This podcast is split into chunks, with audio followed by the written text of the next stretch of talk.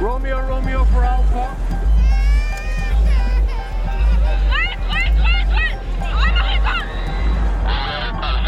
Uppdrag rädda liv. En podd från Läkare utan gränser. Ni minns säkert hur det var 2015. Då tog sig fler än en miljon människor över Medelhavet till Europa enligt siffror från FNs flyktingorgan UNHCR.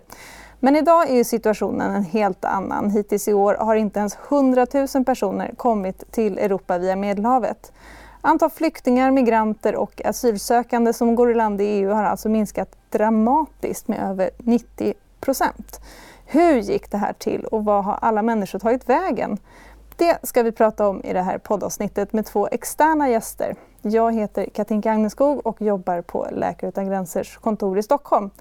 Och med mig har jag på behörigt avstånd journalisterna Anna Roxvall och Johan Persson. Välkomna!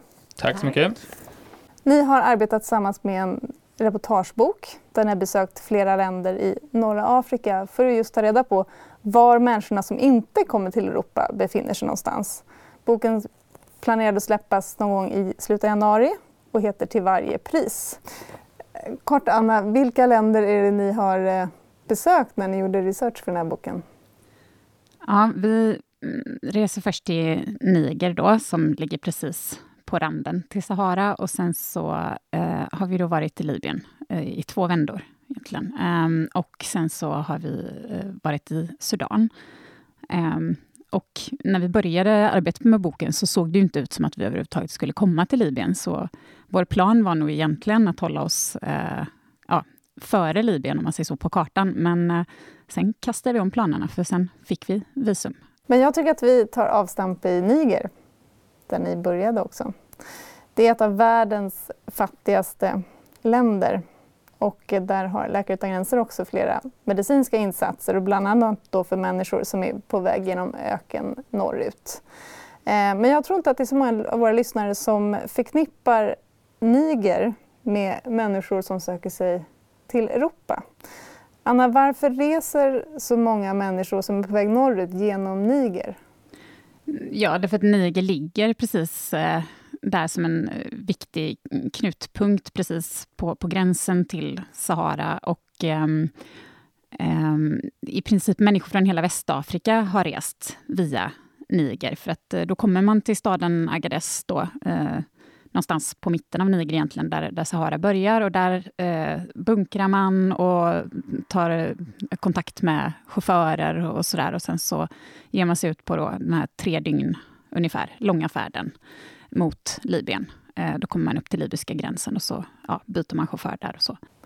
Men det har blivit svårare att, korsa Saharaöknen nu. Varför är det så? Eh, sedan 2015 har ju EU haft en taktik som bygger på att försöka stoppa folk eh, så tidigt som möjligt, alltså gärna innan vi ens når Libyen och Medelhavet. Liksom. Man vill stoppa dem innan då. Men att Niger har gjort det illegalt att transportera eller smuggla människor genom öknen, vad har det egentligen med EU att göra? Jo, men det skedde ganska många allvarliga olyckor i öknen. Eh, bland annat 2013 så var det en väldigt uppmärksammad incident med massa människor helt enkelt törstade ihjäl ute i öknen. Eh, så så att eh, det diskuterades ju vad man skulle göra åt detta och 2015 så var ju Niger på väg att eh, ja, stifta en lag som skulle göra det illegalt att transportera migranter eh, norrut, framförallt mot Libyen. Då. Ehm, och i vanliga fall i Niger, när man stiftar lagar, så efterföljs inte de eh, så särskilt hårt. Men den här gången så fanns det ju eh, väldigt starka påtryckningar ifrån EU att eh, den här lagen naturligtvis skulle kunna leda till att man fick väldigt mycket biståndspengar in i sin budget. Men det fanns ett väldigt starkt incitament för att, för att stifta den här lagen, därför att det fanns helt enkelt pengar att få. Ehm, så att eh, det tog lite tid, men sen eh, i början av 2016 så började man ju tillämpa den här lagen. Och i praktiken då, det är inte så som den är formulerad, men i praktiken så gör den det illegalt att transportera migranter eh, norr om Agadez, som är den här hubben då. Ehm, och det har ju då fått konsekvenser. Det blev väldigt tydligt att man på bara några månader eh, minskade ner trafiken genom Agadez kraftigt, därför att man började patrullera de här eh, traditionella eh, ökenrutterna. Det är ju som en motorväg genom öknen som migranterna reser via. Man brukade resa liksom i konvojer, jättemånga olika eh, lastbilar och pickuper och så eh, på släptåg. Så att om bilar bröt eh, samman och, och sådär så, så, så kunde man få hjälp av de som kommer efter. och så där. Man blev liksom inte lämnad i öknen någon särskilt längre tid. och så.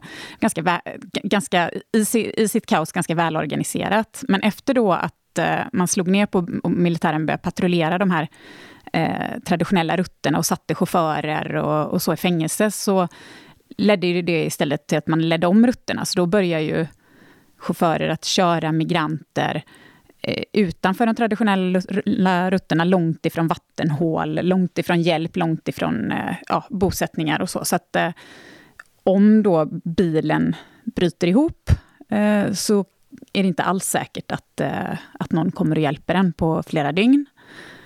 Och det leder också till att man, de som reser blir mer utsatta för så här stråtrövare och sådär. Och sen så leder också till att när, när militären då dyker upp och chaufförer är rädda för att bli gripna så är det inte alls ovanligt att man helt enkelt kastar av människorna man har på flaket för att bli av med tyngd, om man säger så, så att man kan köra ifrån militären med sin bil. Men vilka är då de här människorna som tar sig den här vägen norrut? Det är ju en otroligt eh, varierande skara. Det är ju dels rena flyktingar som kommer ifrån eh, ja, länder där man har mycket konflikt och krig och sådär. Men sen så är det också ekonomiska migranter. Ganska ofta så kan man säga det är väldigt svårt också att dela upp människor i, i de här olika kategorierna, för oftast är det ju en blandning av det hela.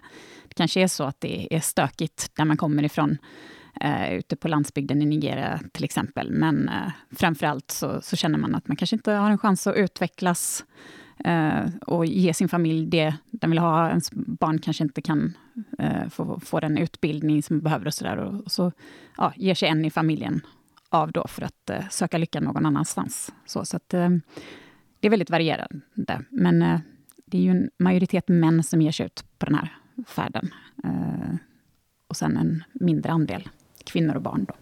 Men med en gemensam drivkraft kan jag tänka mig. Alltså den gemensamma, ja, alltså den gemensamma nämnaren för alla, liksom, även om då vi, vi pratar om kanske en universitetsutbildad liksom eh, eh, medelklass liksom kille i 25-årsåldern från, från, eh, från liksom Senegal eller om man, alltså, eller om man jämför han då med en, liksom en, en, en regelrätt flykting då från, från, från södra Sudan liksom, så som, de är väldigt olika och väldigt olika förutsättningar, men det som var gemensamt för dem att de är fruktansvärt liksom, drivna personer.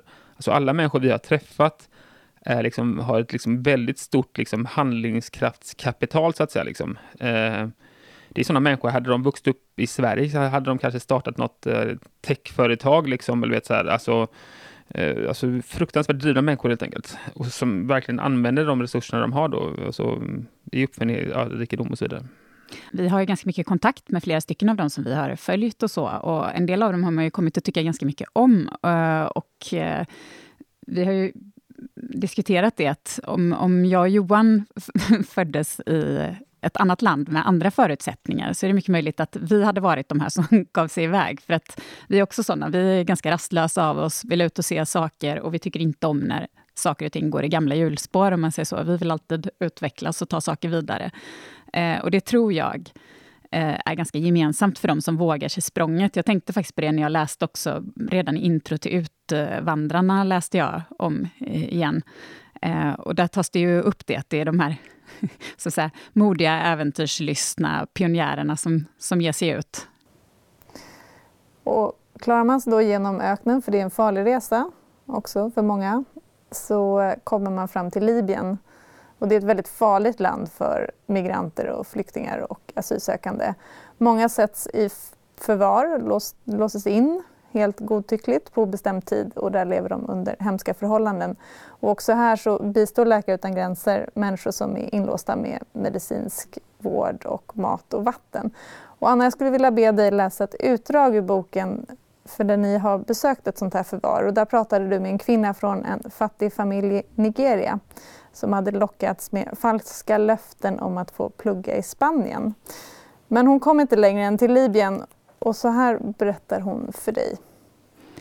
Jag hyrde en lägenhet ihop med tre andra kvinnor.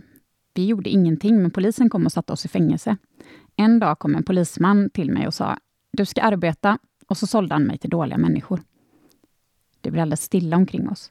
Hennes blick viker inte för min, den är fast, upprorisk. Du behöver inte svara på den här frågan om du inte vill, säger jag, men jag vet att många tjejer från Nigeria brukar tvingas sälja sex här i Libyen. Hon skrattar till. Det är klart att jag sålde sex. Skiftet går snabbt. Från en sekund till en annan ser jag hur ljuset i hennes ögon släcks. Det stöddiga leendet övergår i en grimas. Skrattet ersätts med gråt. Det kommer så plötsligt att hon själv verkar överrumplad. Hon liksom hostar fram orden. Åh herregud, herregud, du kan inte använda min bild och mitt namn och skriva att jag har gjort sexarbete. Tänk om mina föräldrar fick veta. Herregud, herregud. De andra flickorna samlas runt henne, stryker henne över ryggen. Hur vanligt är det för unga kvinnor, flickor och tjejer som kommer till Libyen att hamna i en sån här situation?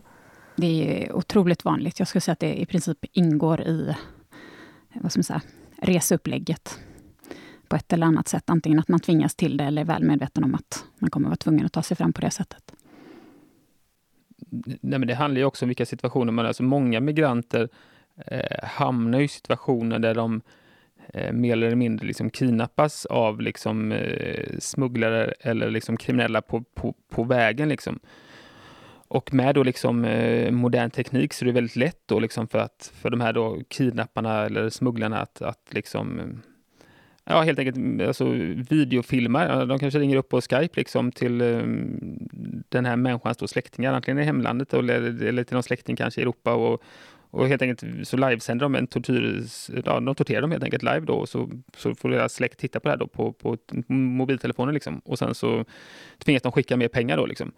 Så att så många personer hamnar i den situationen när de kanske får slut på pengar liksom, eller, att, eller helt enkelt de hamnar hos, hos smugglare eller hos eh, kriminella som helt enkelt skiter i vilket och, och, och utför våldtäkt och så vidare. Så, att, så det finns ju massa olika liksom, eh, situationer och, och, och fällor på vägen, så att liksom, där framförallt då kvinnor är fruktansvärt utsatta. Då. Men och det gör ju också att det finns ju, det finns ju lite forskning på det där med människor som kommer reguljärt till eh, Europa eh, av de kvinnor som kommer så är det ju ganska många som har betalt bra mycket mer för sin resa och haft en betydligt rakare väg, just därför att man vet det att eh, eh, det här sättet som ganska många män gör, som åker en etapp, jobbar lite, drar runt, tar en etapp till och så. Eh, ska du göra det som kvinna, då kommer du hamna i sexarbete utan... Ja, utan eh, det är liksom ofrånkomligt. Ehm, så att eh, det finns ju, eh, för den som kan betala då, eh, vägar lite mer spikrakt så. Ehm, och det handlar liksom inte alltid om det här eh, klockrena vad som säga, våldtäkterna, utan det är också de här eh, vad som säga, gråskalorna, där man tvingas kanske ställa upp på saker som man inte vill, för att eh, någon ska hålla sig lugn, eller för att det är det sättet som man får hjälp eller mat eller så. Det, det är ju så, ganska ofta så har man ju kanske inte så mycket mer än sin kropp att eh, handla med. Så att eh, kvinnor är otroligt utsatta i det här. Hur gick det för den här kvinnan? Har ni någon kontakt med henne? Nej, alltså det har varit väldigt tydligt. Jag har ju, när vi reser så, här, så lämnar jag ju uh, ofta ut mitt telefonnummer och mitt Facebook-namn och så där, så att folk ska kunna höra av sig ifall de vill och så. Eh, och det är uteslutande eh, männen som har gjort. Av de kvinnor som vi har träffat och mött, så är det ingen som har återkopplat sen efteråt. Ingen kvinna? Inte en enda. Um, Varför tror du att det är så? Jag tror att det hänger ihop med kanske att man har um, delvis, som säga, dels det som jag just läste om, att man har tvingats till massa saker som man absolut inte är stolt över, som är väldigt stigmatiserade. Um, Sen tror jag kanske också att det eh, ofta finns andra mer personliga motiv när kvinnor eh, migrerar. Man vill eh, säger man, återförenas med eh, familjemedlemmar och, och, så. Det ser man mycket. Eller man vill utbilda sig och sådär. Eh, och jag tror rent generellt kanske att den här viljan... Bland de män som hör av sig så handlar det ganska ofta om att de tycker att det är viktigt att världen får höra hur vi har det och så vidare. Och jag upplever inte att jag har hört så många kvinnor eh, resonera så. Ehm, det tror jag definitivt att det finns många också, men vi har inte snubblat över dem. Men hon, vad jag förstått så hade hon försökt att ta sig över Medelhavet till Europa men sen stoppats av den libyska kustbevakningen och förts tillbaka i Libyen. Hur går det till? Ja, alltså det går ju till på, på alltså det vanligaste sättet är väl att, eh, alltså, alltså, eh, det är den libyska kustbevakningen nu då som, som, som, som har liksom ansvar för det här området. Då. Eh, libyerna själva har, har alltså ingen kapacitet liksom att övervaka det här området. Så, så, så i praktiken så, så, funkar det så här att EU, antingen via Frontex eller via Europol Med, har övervakningsplan som, som cirkulerar liksom och patrullerar alltså, luftrummet eh, vid kusten utanför den libyska kusten. Man brukar ju tala om pushback by proxy och det är väl det som det handlar om här, att någon annan får göra det smutsiga jobbet. För det är ju olagligt för eh, eh, europeiska fartyg, egentligen för alla fartyg, men, men eh, Europadomstolen för mänskliga rättigheter har ju slagit fast 2012 att det eh, är olagligt att skicka tillbaka människor till Libyen därför att eh, deras mänskliga rättigheter inte kommer att respekteras där. Och det finns ingen möjlighet att söka asyl och liknande. De kan inte betraktas som en säker hamn? I nej, det är ingen säker hamn. Så ja, men inte skrivit därför... på några flyktingkonventioner och så vidare. Liksom. Alltså det, nej. Ja, men så, så därför så, äh, så kan inte europeiska fartyg göra på det här viset. Eh, Italien har ju försökt det tidigare, men det var 2012 så dömdes de ju för detta då i Europadomstolen. Och då handlar det om att man måste hitta någon annan som kan göra grovjobbet. Och då föll valet på libyska kustbevakningen. Efter att man hade sett hur oerhört framgångsrikt Turkietavtalet var. Och då började ju framförallt med Italien i spetsen, eh, de europeiska länderna, att titta på en möjlighet att göra likadant i Libyen också. Exakt, du var inne på den här eh, oerhörda liksom, minskningen här i början. Där, liksom, att ja, man jämför 2015 med idag. Då, liksom, och när man tittar då, liksom, när man läser Frontex egna årsrapporter till exempel, så, så pekar de på liksom, att den stora minskningen då på den centrala medelhavsrutten, då, liksom, det vill säga liksom, från Libyen till Italien, hela den minskningen säger de, en av de viktigaste anledningarna där är just att libyska kustbevakningen är ute och är så kallat aktiva då, liksom, och eh, skeppar tillbaka folk. Och du Johan var ju på eh, vår förra sök och räddningsbåt Ocean Viking för nästan exakt ett år sedan. Ja, exakt.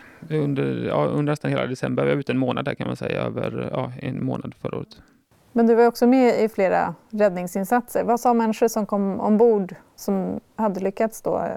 Det som är lite intressant ändå, som jag också jag och Anna har diskuterat mycket här i efterhand då, när vi har suttit med slutarbetet med boken, är att nästan alla man träffar som har varit ute på havet, eller jag då när jag själv är ute på havet och, och träffar folk som precis har då blivit uppdragna mer eller mindre liksom ut, halvsjunkna gummibåtar liksom, i mörkret, liksom, i tre meter höga vågor, så säger faktiskt alla liksom, att vi inte är rädda för havet. Alltså det är inte det som är det, som är det läskiga. Liksom.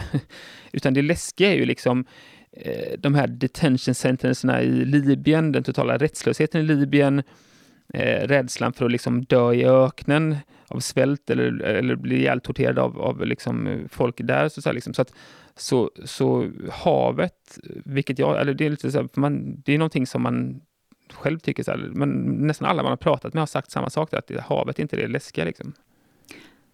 Nej, men eh, jag tror att eh, så vi, vi har ju en person som bland annat beskriver det att drunknar du i havet så vet i alla fall eh, mina vänner att jag gav mig av på båten. De kan meddela min familj vad som hände människor kommer minnas mig, de har min bild. Men när jag sitter i ett eh, sånt här interneringscenter i, i, ja, någonstans i Libyen så vet folk inte ens en gång vad jag är och dör jag så kommer jag bara dumpas någonstans som en hund. Så att, eh, eh och det är möjligt att familjen aldrig får ett avslut. Så att, eh, det är ju någonting som många tar upp. Men, men en men, annan sak också bara var att alltså, nästan alla man pratar med har gjort mer än ett försök att ta sig med båt. Liksom de flesta vi har pratat med, liksom, både på havet och i Libyen, har gjort kanske tre, fyra försök.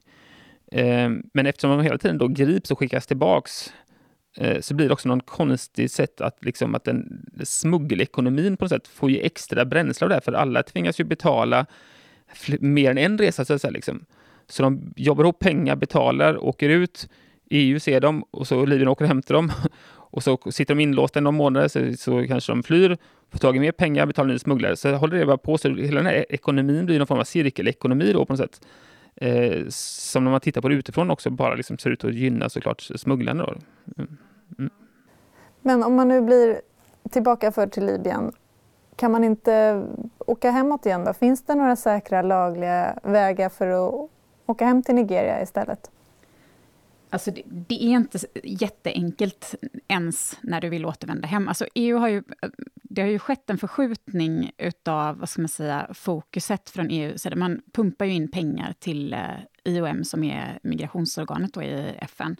Eh, så att de har vuxit väldigt mycket, till viss del på bekostnad av UNHCR, som handlar om flyktingar. Det är liksom migranter versus flyktingar. Och eh, det har gjort att man kan inte prata om effektivitet i Libyen, för det finns ingenting som fungerar effektivt. Men jag skulle säga att det är ju betydligt fler som har fått hjälp att återvända till länder de kom ifrån eh, via IOM, än vad som kommer ut ur Libyen som, som liksom flyktingar som nödevakueras via UNHCR.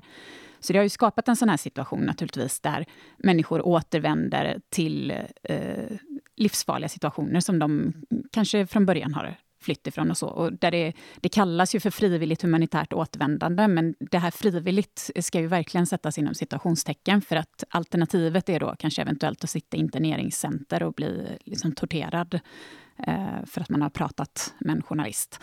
Eh, så, att, så det är dels det, men sen är det också så att även där då så tar det lång tid innan du kommer igenom. Det finns en hel del korruption också på plats som gör att du kanske inte alltid ens får ett möte på kontoret som du vill ha och sådär.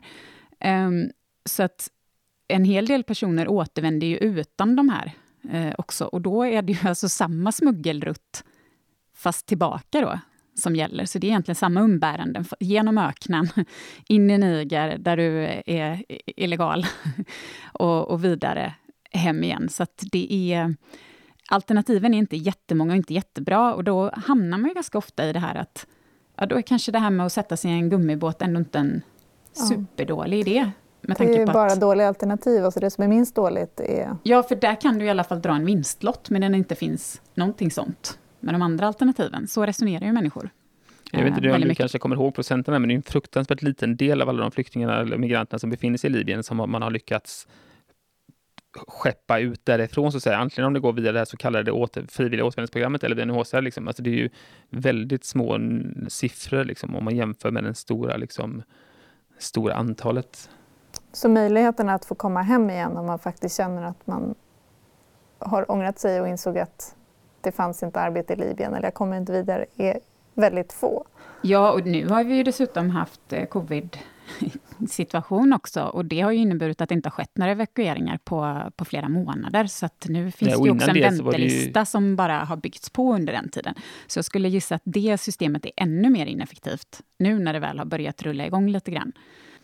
Och jag menar, det kan vi kanske lite inne på innan, liksom, även om du kanske kom då till, till Libyen för att jobba där, liksom, du hade inga planer på att ta dig till Europa, liksom, men helt plötsligt så befinner du dig i ett inbördeskrig och måste fly. Liksom det går inte att fly därifrån heller, för du har liksom, hela Libyen var i stort sett inringad liksom, av, av strider. Liksom.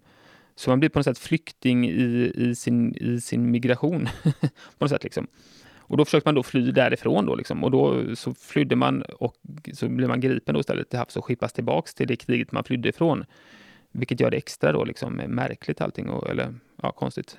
Med tanke på att vi har faktiskt en asylrätt som är liksom fastslagen. Liksom. Det är en mänsklig rättighet att man ska få liksom, söka asyl. Men ni är ju väldigt kritiska mot EUs olika åtgärder för att stoppa migranter. Vad vi tycker om det hela är ganska ointressant, men vi tycker båda däremot att eh, eh konsekvenserna av den förda EU-politiken eh, ska vi känna till för att bestämma oss för om vi tycker att det är rätt eller inte. Men om man nu vänder på steken, kan man inte säga att EU är väldigt framgångsrika? Sverige ger ju sig faktiskt ut på Medelhavet på den här livsfarliga rutten. Ja, men det bara, alltså, om, om det primära målet är att, så att, säga, att minska migration, alltså, irreguljär immigration till Europa så har EU varit superframgångsrika. Liksom. Det är bara att titta på siffrorna. Som du sa, det var väl en miljon 2015 liksom, och knappt 100 000 idag. Liksom. Så det är klart som fan att det är en superframgångssaga. Om det är så sagt enda parametern som ska räknas. Liksom. Vår bok heter ju Till varje pris då, liksom, och, och eh, vi vill väl visa på då att den här förda politiken har fått med sig ett pris. Liksom. Eh, men visst, men det är också, EU är ju en demokrati, alltså vi styrs av, jag menar, vi, vi röstar fram våra ledare här som, som, som beslutar det här. Liksom, så, här, liksom. så att jag menar, eh, ja, det är upp till liksom varje människa liksom att, att liksom bestämma hur, vilken, liksom, ja, till vilket, vilket pris eh, får det här kosta liksom, att, att minska migrationen. Ja, är det inte det EU gör då? Att hindra människor från att komma hit är folkets vilja. Ja, kan man säga. Det är mycket möjligt att, uh, att det är folkets vilja. Uh, det som vi tänker kring det är väl framförallt att uh, det finns en brist på bevakning av vad som sker bortom Medelhavet, om man säger så. Det är precis som att strålkastarljuset släcks så fort vi kommer bort ifrån de europeiska stränderna. Um, så att, och, och, så jobbar ju jag och Johan ofta. Vi, vi försöker titta, vad, vad, vad tittar folk inte på just nu? Och då är det ju framförallt det som pågår i afrikanska länder. Det är ju väldigt lätt, om man inte känner till hur det här samarbetet med libyska kustbevakningen till exempel har sett ut, som, som EU för, um, då är det ju lätt att tänka att ja, det kan, det kan väl inte ha någonting med oss att göra, att det är dåligt i Libyen. Men vi som en del av EU har ett ansvar Ja, alltså vi har ju intervjuat Ylva Johansson som är migrationskommissionär eh, nu. Och hon konstaterar att vi, vad är det hon säger? Vi har ett ansvar men inte skuld.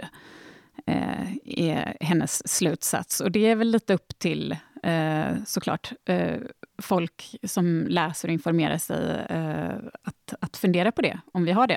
Det behöver inte jag och Johan dra några slutsatser av. Utan, eh, men däremot så tycker vi att det finns en brist på information om vilka konsekvenser den förda politiken eh, för med sig. För att det sker till ett pris. Och vi har Libyen är ju det här extremexemplet där man eh, verkligen drar tillbaka folk eh, till ett land i fullständigt inbördeskrig, låser in dem i såna här interneringscenter och riskerar att bombas till döds och så vidare. Men sen har vi då till exempel som i Niger där man då har klämt åt den här migrationshubben där det ändå i sin galenskap ändå varit ganska välorganiserat och fungerande till en situation där nu naturligtvis människor fortsätter att försöka ta sig, men man tar andra vägar än de traditionella så att säga, motorvägarna genom Sahara. Man, man åker långt från vattenhål, eh, långt Det blir från en illegal smuggelrutt? Ja, det blir nya rutter istället som byggs upp som är mycket, mycket farligare, vilket gör att fler dör i öknen än vad som gjorde tidigare. Um, så det är konsekvensen av EUs politik när de täpper igen de här vanliga migrationsrutterna är ju Ja, den är betydligt vidare än man kanske tror vid en första anblick. Och det är också någonting som vi har en... Eh, eh, vi har eh, chefen för UNHCR i Niger, Alessandra Morelli, hon citeras, hon, hon liknar liksom migrationen vid en klick Nutella eh, mellan två kex. och eh, då, då menar hon liksom att när du då trycker till den här, det här kexet som är vad som säger, migrationshubben, då flödar ju den här eh, nötkrämen ut åt alla sidor och tar andra vägar istället. Och det är precis det som vi ser som händer nu. Man kan ju nästan följa hur man eh, klämmer åt på ett ställe och då ser man hur en ny hubb uppstår.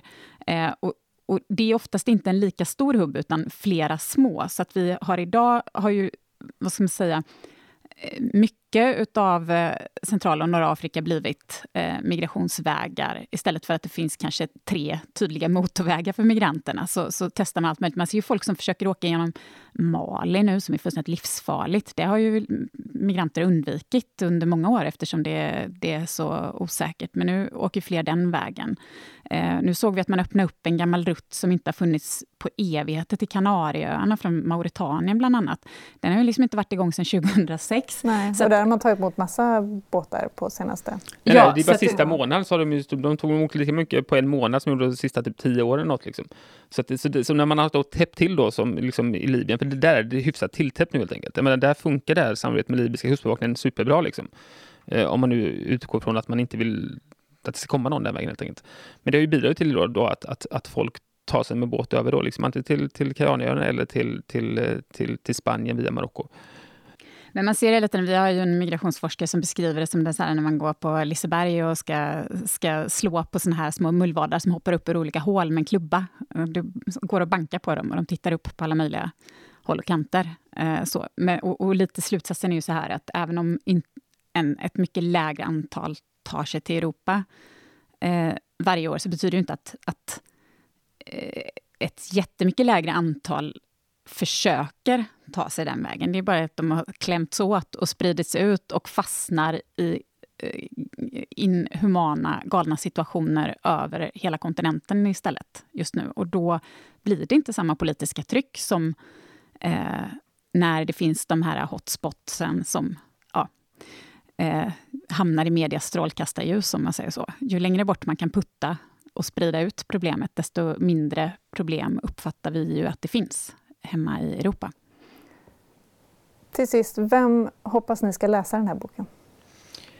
Nej, alltså vi hoppas väl att så många som möjligt såklart. Eh, nej, men det som, som nej, men om, man, om man lyssnar på det, liksom den, eh, den inhemska debatten liksom i Sverige då, eller Europa, men om man tar Sverige som exempel, liksom, så, så handlar liksom eh, jag menar, fan varannan gång man slår på Studio 1 liksom, så, så pratar de om hur, att olika människor som debatterar liksom, hur man ska liksom, minska antalet migranter eller flyktingar som kommer till Sverige. Liksom. Eh, Nej, men jag skulle vilja att de läste den här boken för att alltså, de får klart för liksom att det här vi sitter och pratar om nu och det här vi, vi liksom lobbar för att besluta får konsekvenser. Liksom. Sen så kanske de kan leva med konsekvenserna, men, men det, är, här, det är upp till dem så att säga. Liksom. Men att, att det ska finnas ett tydligt underlag. För vi den här politiken så, så, så, så resulterar det i någonting. Liksom. Och, och, jag tror inte många vet om det om jag ska vara. Liksom. Så jag tror jag tycker att alla ska läsa den. Såklart. Men eh, jag tror att framförallt de som tar besluten liksom, och som, som pratar om det här, alltså hur, vikten av att minska. Liksom. Mm. Tack Johan Persson och Anna Roxvall för att ni tog er tid och kom hit och pratade med mig. Och för er som lyssnar och kanske blivit intresserade av att läsa den här boken så kommer den ut i slutet av januari. Men kan ni inte hålla er tills dess så finns ett längre utdrag publicerat i vår tidning Direkt. Den kommer i brevlådan hos våra månadsgivare. Eller så kan ni läsa den på vår hemsida lakarutangranser.se. Och I tidningen Direkt så finns det också en rabattkod till boken. Och vill du veta mer om hur Läkare utan gränser arbetar med flyktingar och migranter så besök oss på vår hemsida eller Facebook, Instagram och Twitter. Vi som har gjort podden heter Sonja Leister och Katinka Agneskog. Du har hört Uppdrag rädda liv, en podd från Läkare utan gränser. Ansvarig utgivare är Oliver Schultz. Tack till Roll the Dice och Peder Mannerfelt för musiken. Vill du höra fler avsnitt? Du hittar dem där poddar finns eller på www.lakareutangranser.se nyheter poddar.